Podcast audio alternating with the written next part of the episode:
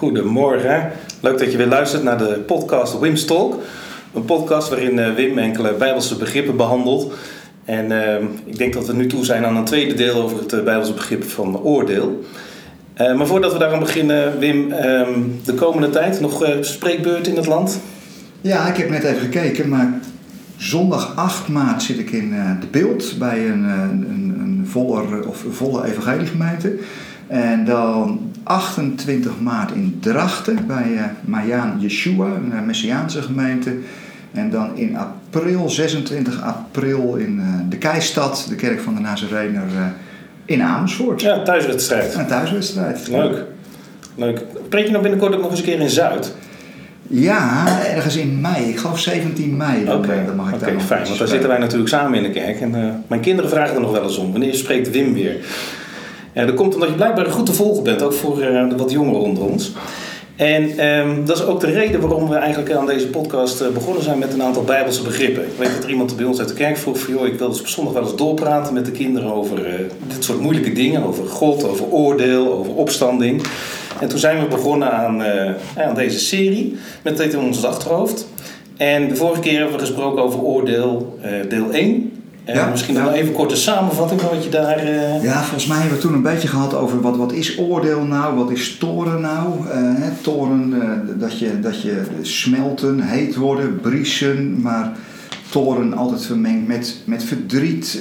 toren is het blokkeren van ontferming. Nou, we hebben allerlei begrippen wat nou toren precies is. We hebben toen ook gesproken over, ja, als je nou het Oude Testament leest en je leest daar over uh, de kinderen die tegen de rotsen worden gesmeten en uh, dat God dat actief zou doen. Uh, ja, dat je dat toch nog eens een keer goed moet nalezen. Hè, dat er een soort ontwikkeling is in het Oud-testamentische denken. dat God niet. Het, het lijkt alsof God direct torent, maar dat het ook de visie van de schrijver van het boek is. Hè, dat we hebben toen geloof ik ook gehad over ja, hoe, hoe lees je nou de Bijbel de Bijbel is Gods woord, maar ja, wat bedoel je er nou precies mee? Is het een soort dictaat uit de hemel, een wetboek? Of uh, heeft God mensen geïnspireerd om te schrijven en is dat zijn woord geworden?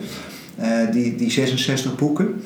Uh, en, zit daar dan een ontwikkeling in? Is het dynamisch of is het statisch? Ja, die heb je toen laten zien, hè? die ontwikkeling. Eigenlijk over eenzelfde gebeurtenis, hoe het in het ene boek beschreven werd. En we hebben het rechtstreeks aan God uh, toegedicht, die toren. Ja. En toen later kwam het uh, toch in een iets ander daglicht te staan. Ja, ja over Samuel en Kronieken. Ja. En daar zit dan een bepaalde tijdspanne.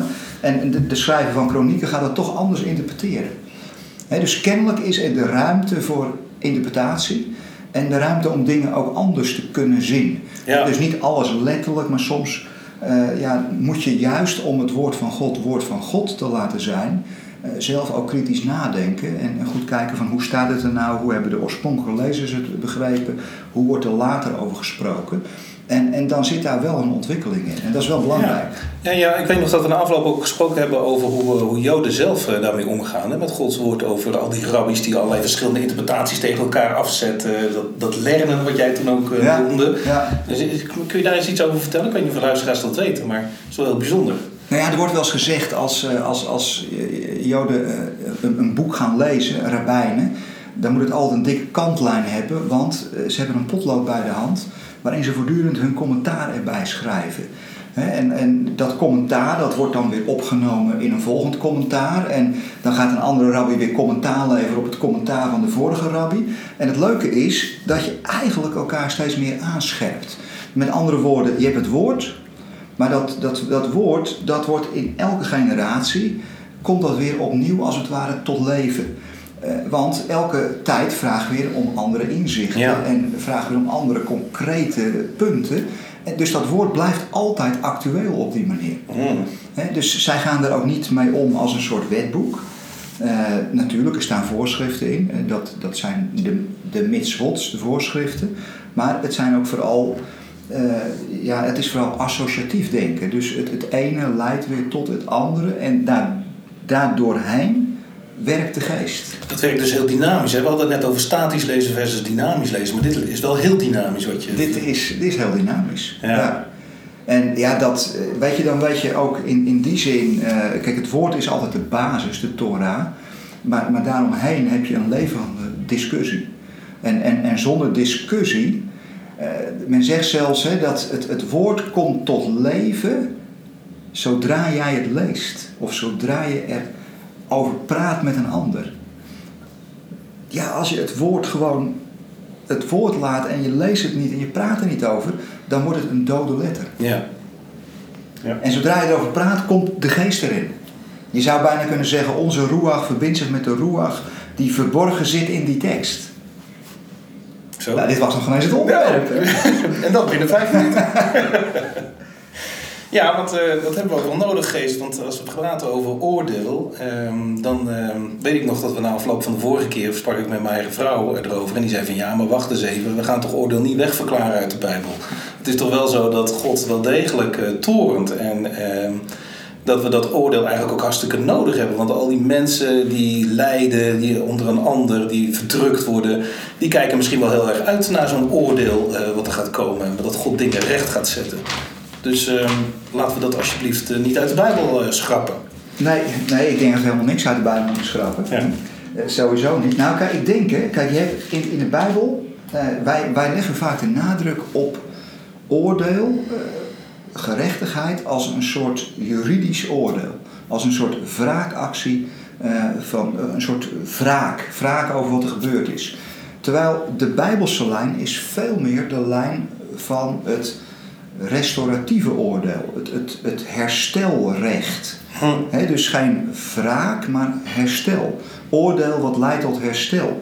En, en in die lijn zie je ook wel in het Oude Testament hoor. Dat, hele uh, beruchte hoofdstuk Ezekiel 16 bijvoorbeeld. dat gaat over de ontrouw van Jeruzalem. En dan komt dat oordeel van God. En uh, Jeruzalem wordt vergeleken met Sodom. Sodom is in de Bijbel een beetje het beeld van het kwaad. En, en dan lees je helemaal aan het einde lees je, wat houdt nou dat oordeel in? Er komt dan, even kijken, laat ik even een klein stukje lezen uit Ezekiel 16 om het duidelijk te maken. En dan staat er, en dan Samaria, ze heeft niet half zoveel misdreven als jij. En jij is Jeruzalem. Jouw gedrag was gruwelijker dan dat van haar. Nou, gruwelijk gedrag, daar moet oordeel op volgen. Mhm. Dat is eigenlijk de, de, de crux waar het hier om gaat. Eh, bij jou vergeleken waren je zusters rechtvaardig. En nu komt het oordeel over Jeruzalem. Jij moet je vernedering nu dragen, omdat de zonden van je zusters bij jouw daden verbleken. Je hebt je zoveel gruwelijker misdragen dan zij dat het wel lijkt of zij onschuldig zijn. Schaam je en onderga nu je vernedering, want door jou lijken je zusters haast rechtvaardig. Dus hier zie je, wat is ten diepste oordeel? De dader gaat zich schamen. En schaamte leidt tot vernedering. Dus je schaamt je kapot. Waarom? Omdat je het gaat zien. Ja. En dan ga je schamen. Alleen, het heeft niet iets in zich van een wraakactie. Want als je dan doorleest in Ezekiel 16...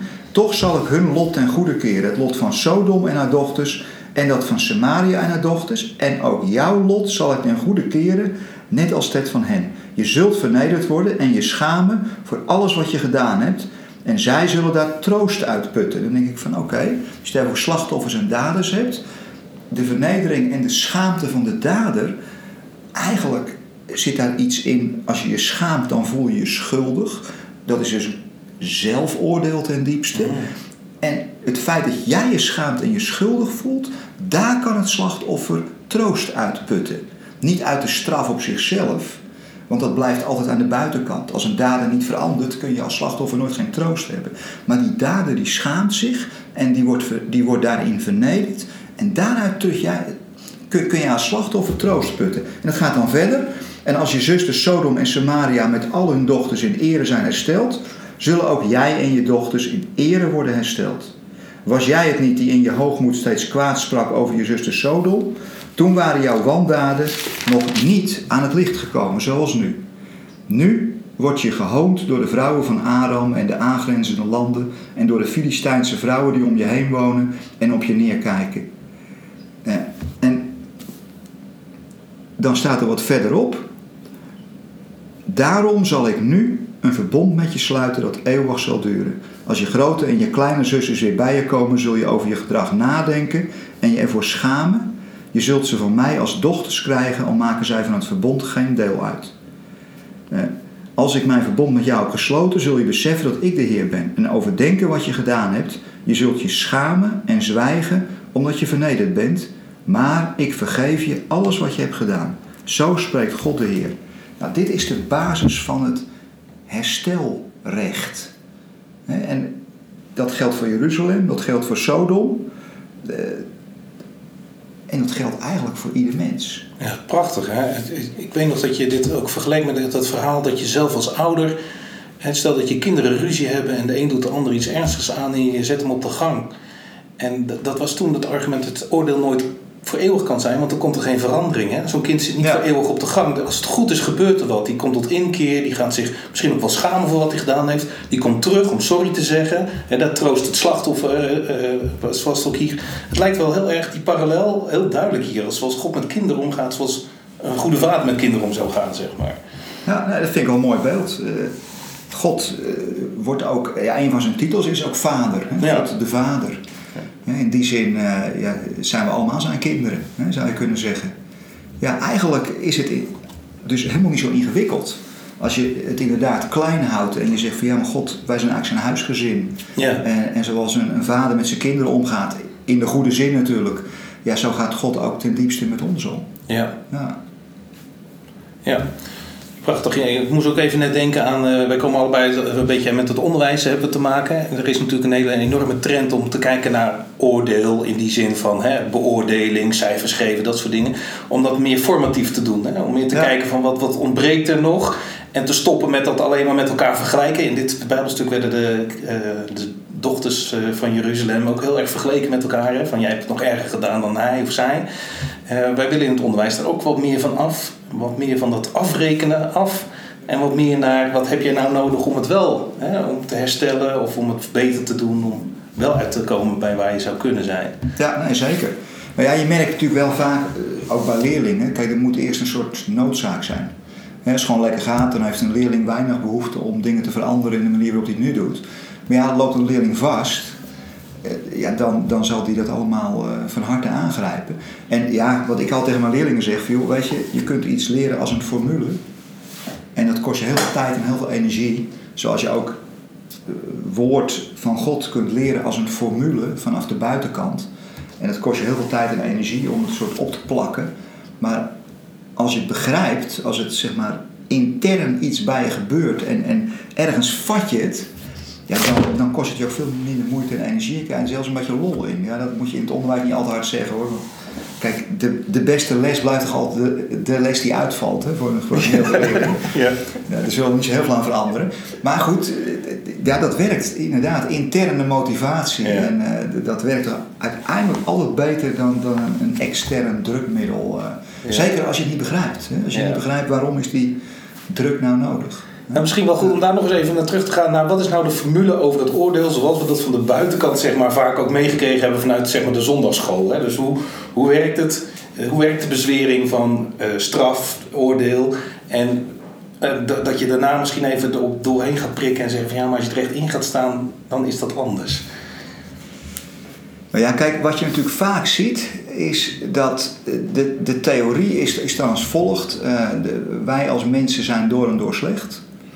Nou, daar hebben we het de vorige keer volgens mij ook over gehad. Hè? Dat daar ook wel wat kanttekeningen bij te plaatsen zijn. Want er zijn ook wel bijbelse gedachten dat we bijna goddelijk zijn. En de kroon op de schepping. En dat we weliswaar een misstap begaan hebben. En heel veel misstappen begaan. Maar dat daaronder eh, ook nog heel veel mooie en goede dingen zitten. Alleen als je aan het absolute goede gaat, gaat, gaat spiegelen, ja, dan is ons goed altijd weer relatief. Ja. dus in, in die zin zou je kunnen zeggen, zegt de Bijbel, je bent slecht. Of jewel, je komt tekort aan het absolute goede. Maar wat is de theorie dan? Wij zijn door en door slecht. Uh, en, dat erven we ook van elkaar. Dat erven we van elkaar. En omdat God uh, absoluut goed is, uh, ja, kan die ons eigenlijk niet lief hebben. kan die ons eens aanzien. En, en heeft hij eigenlijk een hekel aan ons gekregen. God haat ons. Uh, dat, zie je nog wel eens in van die, met, met spandoeken bij, bij fundamentalistische Amerikaanse christenen langs de weg staan en spandoeken met God hates you. en wat is dan de theorie? Van nou ja, daarom stuurde uh, God Jezus, zijn zoon. Uh, dus in die zin on, achter die haat zit ook ergens nog liefde verborgen. Maar er zit wel een hele klodder haat voor. En dan stuurt God Jezus, zijn zoon, om, om voor, voor ons te sterven in onze plaats. En eh, dan, als je daarin gaat geloven, dan schuil je als het ware achter Jezus. En als die toren van God dan komt, dan raakt die toren Jezus. En dat kost Jezus zijn leven. Die is gestorven door de toren van God. En als je daar maar achter schuilt, dan ben je veilig. Dus iedereen die daar niet achter kan schuilen, of die nou Gandhi heet of Hitler, dat maakt helemaal niet uit. Uh, ja, die, die komt in de handen van die toornige God en die zal dan eindeloos uh, zal die dan worden gekweld of in een hel terechtkomen. Of, ja, er zijn allerlei light en medium en strenge versies van. Maar in ieder geval voor altijd gescheiden blijven en voor altijd een zekere kwelling ondergaan. Uh, Gandhi of Hitler maakt er helemaal geen bal uit. Nog erger, in deze theorie, stel je nou eens voor dat Hitler zich een minuut voordat hij zelfmoord pleegde, heeft bekeerd. En hij heeft gezegd, Jezus, u bent mijn Heer. dan ja, is, Hitler straks in de hemel, is die gered. En Gandhi heeft dat misschien wel niet gedaan. Uh, en misschien Mandela ook wel niet. Uh, en die worden dan eindeloos uh, gekweld. Op wat voor manier dan ook. En Hitler is dan in de hemel. Nou, dat is een beetje de traditionele visie. Ja, en de, de, het fundament is dus eigenlijk: God moet zijn toren kwijt. Er moet getorend worden en dan maar Jezus als bliksem afleiden, maar die God, toren moet eruit. God moet zijn toren kwijt. God is in feite boos. En, en Gods houding, Gods houding moet veranderd worden naar ons toe. Uh, en daarvoor is Jezus gekomen om God eigenlijk te verzoenen met ons. Met ons. Mm. Uh, ja, en ik denk, en dat is toch wel een beetje triest natuurlijk, dat het Bijbelse denken juist andersom is. God is nooit boos geweest. God is altijd blijven liefhebben. Ik bedoel, en Johannes 4 zegt: God is liefde, zijn wezen is liefde. Uh, dus met andere woorden, zelfs als die boos is op misstanden en op onrechtvaardigheid en op dingen die niet kloppen, want die emotie zie je zeker in de Bijbel en terecht denk ik, dan is dat gemotiveerd vanuit zijn liefde en, en nooit vanuit een andere houding. En, en juist vanuit die liefde, omdat een mens vervreemd is van God, uh, omdat een mens eigenlijk uh, een totaal verknipt beeld heeft gekregen van God. Het idee heeft dat, dat God er of niet is, of boos is, of dat de goden tevreden ge, ge, gesteld moeten worden met offers. Uh, en en dat zie je in het hele, in de, door het hele geschiedenis heen. Goden moet je tevreden stellen met offers.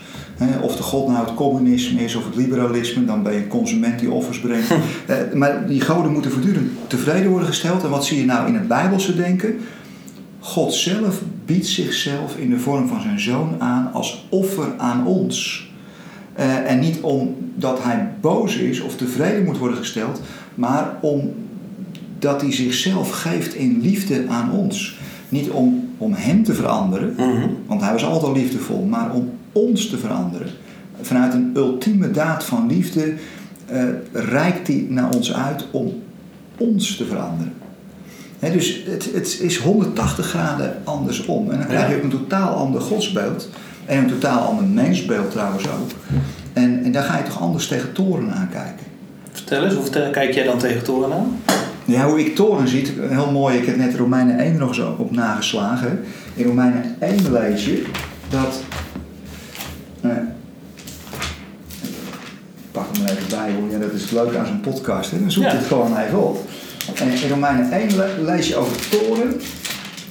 Dan zeg je van, er staat hier, uh, uh, omdat ze, Romeinen 1 vers 28, omdat ze het beneden hun waardigheid achter God te erkennen, heeft God hen overgegeven, overgeleverd staat er aan hun eigen onbetrouwbaarheid en doen ze wat verwerpelijk is. En het gaat even om dat woordje overgeleverd. Dus met andere woorden, je, je zou kunnen zeggen, eh, dat woordje overgeleverd, daar staat dan letterlijk eh, overhandigen, overdragen. Mhm. Dus God die zegt eigenlijk van ja maar jongens, jullie zijn zelf verantwoordelijk. Eh, ik stuur dat niet, ik doe dat niet. Nee, maar je krijgt van mij de vrijheid om de consequentie van je eigen daden te mogen ondergaan. Zo zou je dat kunnen zien. dus je, de, de, consequentie van je eigen daden mag je ondergaan. En uh, dat is overleven. Ja. Ik, ik, ik, draag je als het ware over aan jezelf. Ja.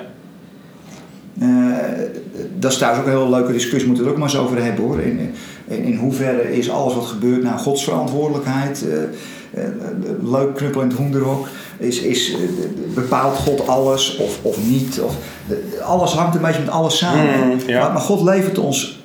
God zegt eigenlijk van nou hier, hier heb je je leven. En, en, en de consequenties van wat je doet, ja, die zijn er voor jezelf. En die zijn reëel. Ja. En die zijn reëel. Het is niet een soort matrix, niet een soort computerprogramma op de achtergrond dat alles stuurt. Maar ja, je, je bent hier echt en je bent echt verantwoordelijk. En de dingen die je doet, ja, die komen ook echt op jezelf neer. Ja. En die kun je ook niet achter God of wat dan ook dan verschuilen. Dus Nee. zo zie ik oordeel een beetje. Dat, je, dat God zegt van nou ja, hier. Ik, ik leef je over aan jezelf. Ja. ja. Daarom noem jij het zelfoordeel ten diepste. Ja, ten diepste zelfoordeel. Mhm. Eh, en, en ik denk ook van ja, weet je, dat is ook het enige wat echt werkt. Of nou het onderwijs is of de opvoeding. Of eh, dat je zelf tot, tot een soort inkeer komt. De vorige keer hebben we dat verhaal gezien. Die gelijkenis van die, van die jongste zoon die, die er vandoor gaat. En dan tot inkeer komt. Ja. Op, zonder dat je tot inkeer komt, is er ook geen oordeel. Dan is het alleen maar wraak. Ja. Maar op, op het moment dat jij tot inkeer gaat komen, dan begint het oordeel. Ja. Want dan begint de schaamte. Het kan heel positief uitwerken voor de jongste zoon, maar ik moet ook gelijk aan die oudste zoon denken. Hè. Als we praten over zelfoordeel, het lijkt wel alsof die oudste zoon juist heel erg worstelt met dat zelfoordeel. Hè. Dat hij zichzelf niet goed genoeg vindt. Dat zegt hij tegen zijn vader van ja, jij vindt, en dat legt hij dan bij de vader neer, van jij vindt me nooit goed genoeg, je hebt me nooit iets gegeven, eh, je hebt nooit voor mij feest gevierd. Er zit heel erg dat beklag in van iemand die ten diepste eigenlijk heel erg ook worstelt misschien wel met een, met een zelfoordeel. Komt dat een beetje bekend voor voor jou, dat je, als je zo naar kijkt? Dat mensen er ook heel erg mee kunnen worstelen met zelfoordeel. Dat het, ja, het kan goed zijn om tot schaamte te komen, maar het kan ook iets zijn wat je leven ja, heel lastig maakt. Omdat je jezelf maar blijft veroordelen in allerlei zaken. Ja. Ja, absoluut. Ik denk die oudste zoon heeft misschien al veel moeilijker dan de jongste zoon. Eigenlijk zijn ze natuurlijk allebei eh, ver van de vader weg. Ja. De een ook fysiek. En, en voor de ander is misschien nog wel, ver- nog wel vervelend, want hij is fysiek heel dichtbij. Maar hij is mentaal, is, is die mijlen ver weg, want hij voelt zich eigenlijk helemaal geen zoon. Dus eh, ja, ik, ik denk dat het voor beide eh, een worsteling is. En eh, de, de jongste zoon is, eh, ja, heeft misschien in die zin makkelijker. Om, om, omdat die hele duidelijke omkering er is. En wat hij ook die vader eh, heel duidelijk eh, in zijn rol als vader ziet. Ja, Terwijl die oudste zoon heeft zijn vader eigenlijk nog nooit in rol als vader gezien. Die zag hem meer een soort werkgever. ja, Ik denk wel eens dat we, die, die vergelijking wordt wel eens getrokken, hè, dat we, eh, er wordt wel eens gezegd, ja, dus ook trouwens in het Bijbelse denken, hè, eh, dat zegt Jezus ergens, eh, van ja, wie, wie, wie veel misdaan heeft, die wordt veel vergeven. Ja, en dat, ik denk dat is wel eens de worsteling van, van, van christenen, denk ik soms wel eens bijna. Of, of van de kerk. We, we zitten zo dicht bij God, mhm, eh, maar toch hebben we bijna het idee dat we het nooit goed genoeg doen. mm, En, en dat we maar heel moeilijk echt die genade kunnen toelaten. Dat we God bijna gaan zien als een soort Big Brother is watching you. Dat, of we dat nou heiliging noemen of hoe we het ook precies noemen. Maar we voelen ons bijna een soort beoordeeld voortdurend. ja, Van, eh, en dat, eh, naarmate dat je meer naar de kerk gaat en je weer een preek hoort en je wordt dan weer gezegd van je moet eigenlijk dit, of je moet eigenlijk dat, je moet eigenlijk zus, dan, dan, dan voel je je alweer een beetje beoordeeld. En dan wordt God bijna een soort werkgever. Van ja jongens, eh, we moeten aan de slag en we moeten ons nog meer dit, of we moeten nog meer dat. Of heb je al vrouwmoedig daarvoor. Ja. Hè, En dan, als je niet oppast, dan ben je zo'n oudste zoon. ja, En dan je hele christelijk leventje ben je eigenlijk, je hebt nooit een feestje, hey. eh, een bokje nog ineens. Want ja, de, de- serieus leven, we moeten leven als christenen, we moeten ons toewijden. En, en voordat je door hebt, is er nooit een lekker feest. En, en zie je de vader eigenlijk nooit als vader. Dus ja, ik denk dat het is wel een hele... Pijnlijk, hè? Hele pijnlijk, Pijnlijk, heel pijnlijk gebeuren. Ja, ja, want het is ook een beetje een open einde. Dus die vader komt op een gegeven moment wel naar buiten natuurlijk en haalt die oudste zoon, Ja. probeert hij erbij te roepen. Het feest Ja. is al aan de gang. Joh, kom er ook bij. Nou ja, het is, niet, het is niet voor niks dat dit allemaal plaatsvond voordat Jezus stierf. Hè? Eh, dit is een soort diagnose, Ja, zou je kunnen zeggen. Eh, de ultieme liefdesdaad moest nog komen. Het, het, dat God zichzelf ging offeren in Jezus moest nog komen. Ja. En het was kennelijk, zeker voor de oudste zonen, ik denk dat voor de oudste zonen, eh, ja, misschien is dat de enige manier waarop je oudste zonen nog wakker kunt schudden. Door, door zo'n ultieme daad van liefde. Dat ze worden wakker geschud uit hun plichtsbesef. Ja. Van joh, daar gaat het uiteindelijk niet om. Nee. Hoe goed je ook je best doet. En of, daardoor verdien je niet waardering of verdien je geen liefde. Maar liefde is een gegeven die al vaststaat voordat je ook maar iets deed. Ja. Zeker voor de oudste zoon is dat nog noodzakelijker, denk ik, het offer van Jezus. De jongste zoon, die, die zag het al. Ja. Die was zo ver heen, die dacht van ja, het kan niet anders. Maar die oudste zoon, ja, die die, die, was nog veel verder heen. Ja. Alleen het probleem is dat, dat hij het zelf niet zag. Ja. Nou, ja. Zo. Jeetje, wilde je dit ook vertellen of zijn we helemaal eh, van je papier ja, ik, afgedaan? ik weet geen eens wat ik precies wil vertellen. Ik vind het wel heel mooi. Zeg. Ja. Je Ja. wilde, nou, maar jij wilde nog iets vertellen over Toorn, want je had wel eh, een aantal dingen Nou opgeschreven. ja, kijk, de toren is, is, is voor mij dus eh, dat, dat God je overlevert aan jezelf, Ja. zou je kunnen zeggen. En dan, Mhm. dan is het ten diepste een stukje zelfoordeel. Eh, nou ja, waar dat, waar dat beeld heel mooi in, in terugvindt, is natuurlijk die, die twee laatste hoofdstukken van Openbaringen. Dat, eh, eh, daar heb je het over dat vernieuwde Jeruzalem en, en die nieuwe aarde. En ja, wat zie je daar dan gebeuren? Daar zie je mensen die buiten die stad zijn. Dat zijn allemaal natuurlijk symbolen en beelden. En wat gaan die mensen doen? Die gaan hun klederen gaan ze wassen. Nou, je, je klederen, dat staat voor je leven, je levensstijl, de, de, wie, wie je bent. En als je die klederen gaat wassen, ja, waar gaan ze dat wassen? In water. Mhm. En dat water, lees je dan in openbaring 2021, dat komt vanuit de troon. En dat wordt beschreven als levend water. En levend water is een beeld van Jezus. Dus eh, wat gebeurt daar? Nou, je gaat je klederen, je gaat je leven, ga je wassen. Je gaat het wassen in Jezus. Mhm. Dus je, je, je confronteert jezelf met dat offer. Met, met God die zichzelf geeft in liefde. En wat gebeurt er dan? Dan komt de schaamte. En, en, en dan uiteindelijk, schaamte is niet het doel. Maar wat lees je dan in openbaring? Dan krijg je recht op het geboomte des levens. En het geboomte des levens is ook een beeld van Jezus. Eh, de- de- en een beeld van de Torah, van het woord. Woord en vlees zijn in Jezus uiteindelijk één geworden. En dan heb je recht op de bladeren van het geboomte des levens.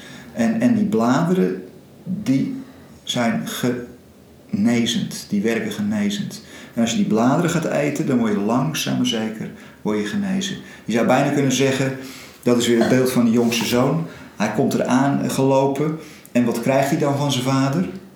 De bladeren. Mhm. Krijgt hij het kleed, krijgt Een hij de ring. Ja. Eh, en dan wordt hij hersteld in zijn positie als zoon. Ja. Dus die bladeren, ja, die werken genezend. Die, die maken een mens weer tot hij ten diepste is. Namelijk een, een kind van God, een zoon en een dochter van God. En dan mag hij die stad in. Ja, jeetje, het is ook wel karakteristiek voor jou om gelijk direct dan naar de laatste hoofdstukken van openbaring te gaan. Hè? Want als je praat Ja. over toren en je praat over openbaring, dan is er nog wel iets wat vooraf gaat aan die eh, twee- 22e hoofdstuk eh, in de openbaring. En Ja. Jezus die eh, met een ijzeren knots eh, tekeer gaat. eh, hoe plaats je dat dan, die eerste, dat eerste deel zeg maar, van openbaring? Nou ja, kijk, ik zie dat, zoals je het laatste deel ziet, eh, eh, als, als eh, symboliek. Mhm. dat, dat, dat levende water, dat is niet letterlijk levend water. En het geboomte is niet letterlijk geboomte, maar het zijn symbolen van. Hè, zo is die knots niet letterlijk eh, een, een knots. eh, dus ik zie Jezus niet op een paard zitten, letterlijk met een ijzeren knots die iedereen aan het, een soort wodan of zo, die door, door de lucht heen zweeft of zo. Maar nee, ik zie dat ook weer symbool van een, een, een- een, een knots, daar zet je dingen mee recht. En, en daar deel je klappen mee uit, omdat er onrecht is. en ik, ik denk eh, dat, dat onrecht, ja, onrecht dat, dat houdt uiteindelijk geen stand. en dat moet wijken voor, voor recht. En, en, soms is daar wel even een duwtje voor nodig. Ja.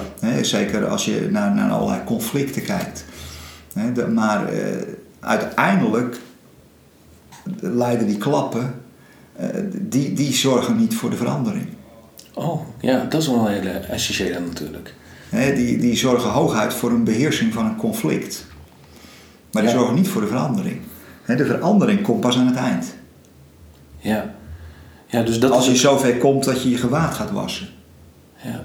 Dat is de echte verandering. De, de, echte verandering, de echte crisis, zeg maar, is de ommekeer die bij mensen plaatsvindt. Ja, dat denk ik wel. Dat is de echte ommekeer. Misschien dat de openbaring ook daarmee eindigt. Ja. Daarom. En trouwens, dat is het mooie natuurlijk van die oudste zoon. Dat is ook het mooie van de openbaring. Het eindigt weer met een open einde. dus, kijk, als je het over... Uh, er wordt wel eens gezegd, ja, maar geloof je dan in alverzoening? Ja en nee. Ja, want er is de belofte dat er op een zeker moment al, elke knie zich zal buigen en elke tong zal beleiden dat Jezus Heer is. Dat is ja. profetie. Ja. Maar als je kijkt waar eindigt nou de Bijbel mee, dan is het een open einde. Waar eindigt het verhaal van de oudste zoon mee? Een open einde. Ja. Dus het is de belofte van God. En ik geloof, als God dat nou echt wil, dan zal het nog zeker lukken. En tegelijkertijd, het is een belofte, want zoals God het oordeel op ons overdraagt en zegt van joh, je bent zelf verantwoordelijk, zo ben je ook zelf verantwoordelijk om op een gegeven moment je knieën te buigen en op een gegeven moment te zeggen, joh, ik ga met mijn klederen is de confrontatie aan met het levende water. Ja. Dus het is geen automatisme. Nee. Maar tegelijkertijd is er de belofte en de profetie. Want een belofte vind ik een profetie. Dat er een moment komt dat iedereen zijn tong of zijn knie heeft gebogen en elke tong zal blij dat Jezus Heer is. En ja, waarom gebeurt dat dan niet binnen nu en vijf dagen? Omdat God het heeft overgeleverd aan ons. Hmm. Dus niet als een soort dictator, niet als een soort. Eh, eh, kijk, eh, uiteindelijk, we hadden het in de voorbespreking, voorbespreking, we waren gewoon koffie aan het drinken en lekker aan het kletsen. we noemen het gewoon voorbespreking. Ja. Maar we hadden het even over van ja, maar wie of wat zullen we dan zijn? Nou, ergens in, in, in Johannes staat, we zullen worden zoals hij is. Dus dat is een hele hoge toekomstbelofte voor de mens. We, willen, we zullen worden zoals Jezus is. Ja, dat kan natuurlijk alleen maar uh, vanuit een vrijwilligheid en vanuit een, een, een liefde. En, en ja, dan kan het uh, bijna eindeloos lijken te duren. Ja. dan, heb je een soort, dan heb je een eeuwigheid nodig. Maar goed, uh, we, hebben, we hebben eeuwigheden genoeg, dus geen enkel probleem. En dan uiteindelijk, dan zal God volledig tot zijn doel zijn gekomen en zal die volledig verheerlijkt worden door heel zijn schepping, als elke tong heeft beleden dat Jezus Heer is. Prachtig. Die ultieme liefde heeft gezien en door zich heen heeft laten stromen. Mooi, dankjewel. Zullen we hier even bij afsluiten? Ja, we moeten nog nu nog zeggen. Hey, uh, leuk dat je hebt geluisterd. En tot de volgende keer. Tot de volgende keer.